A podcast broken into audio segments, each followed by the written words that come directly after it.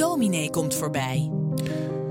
Bezinnen, dat doen we elke zondagmorgen rond dit tijdstip in Zin in Zondag. Even stilstaan bij ons eh, leven, bij onze reilen en zeilen. Of nog groter, bij de zin van ons leven, mocht dat lukken. Of wat kleiner, gewoon bij de waan van de dag. Dat doen we met een team van zo'n 15 zingevers.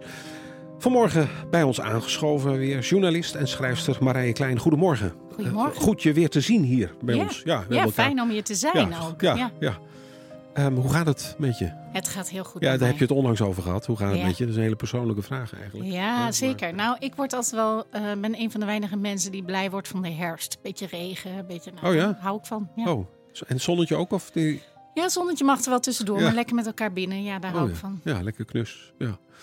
Um, ik zei het al, je bent uh, schrijfster, journalist. Je geeft ook les op school. Um, nu en een jaar geleden, dat is een wereld van, uh, van verschil. Hè? Ja. Um, hoe bevalt je deze nieuwe wereld? Of, ja, bevalt die überhaupt, deze nieuwe uh, Ja, zeker. Wereld? Hij bevalt natuurlijk, want het is altijd wat je er zelf van maakt. Ja, dat is Zo waar. is het ook. Ja. Ik ben heel blij om de jongeren weer gewoon fysiek om ons heen te hebben op school. Mm -hmm. Uh, als je het hebt over schoolmaatschappij, dat is natuurlijk altijd een beetje de maatschappij in het klein. Um, en daar speelt zich af wat zich in de rest van de maatschappij in het groot afspeelt. Dat betekent dat de jongeren wat onrustig zijn, weer even aan elkaar moeten wennen. Het best wel moeilijk vinden ook dat het zo druk is om zich heen.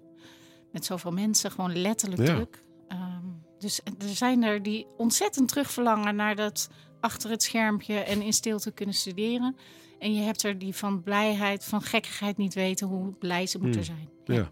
Hoe, hoe loop jij daar tussendoor?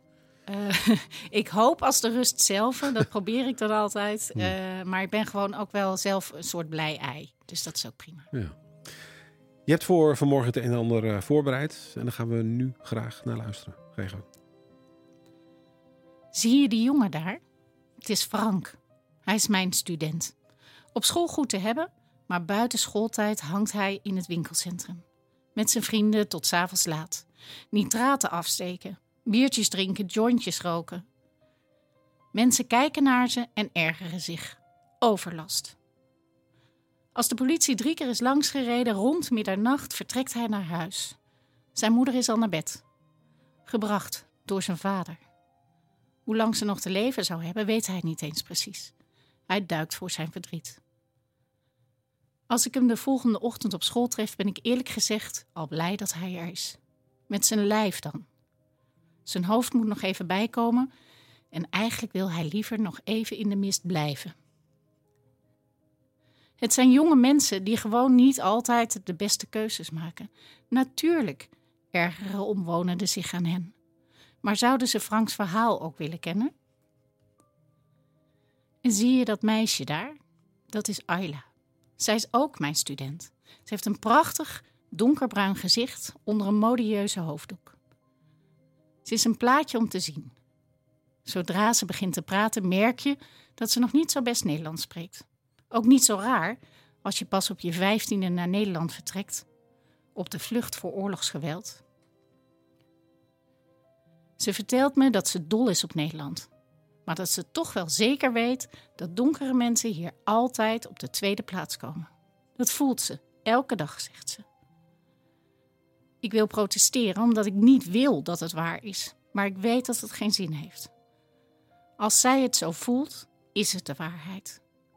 Ze glimlacht naar me als ze me haar waarheid vertelt. Ze neemt het mij niet kwalijk dat wij zo zijn.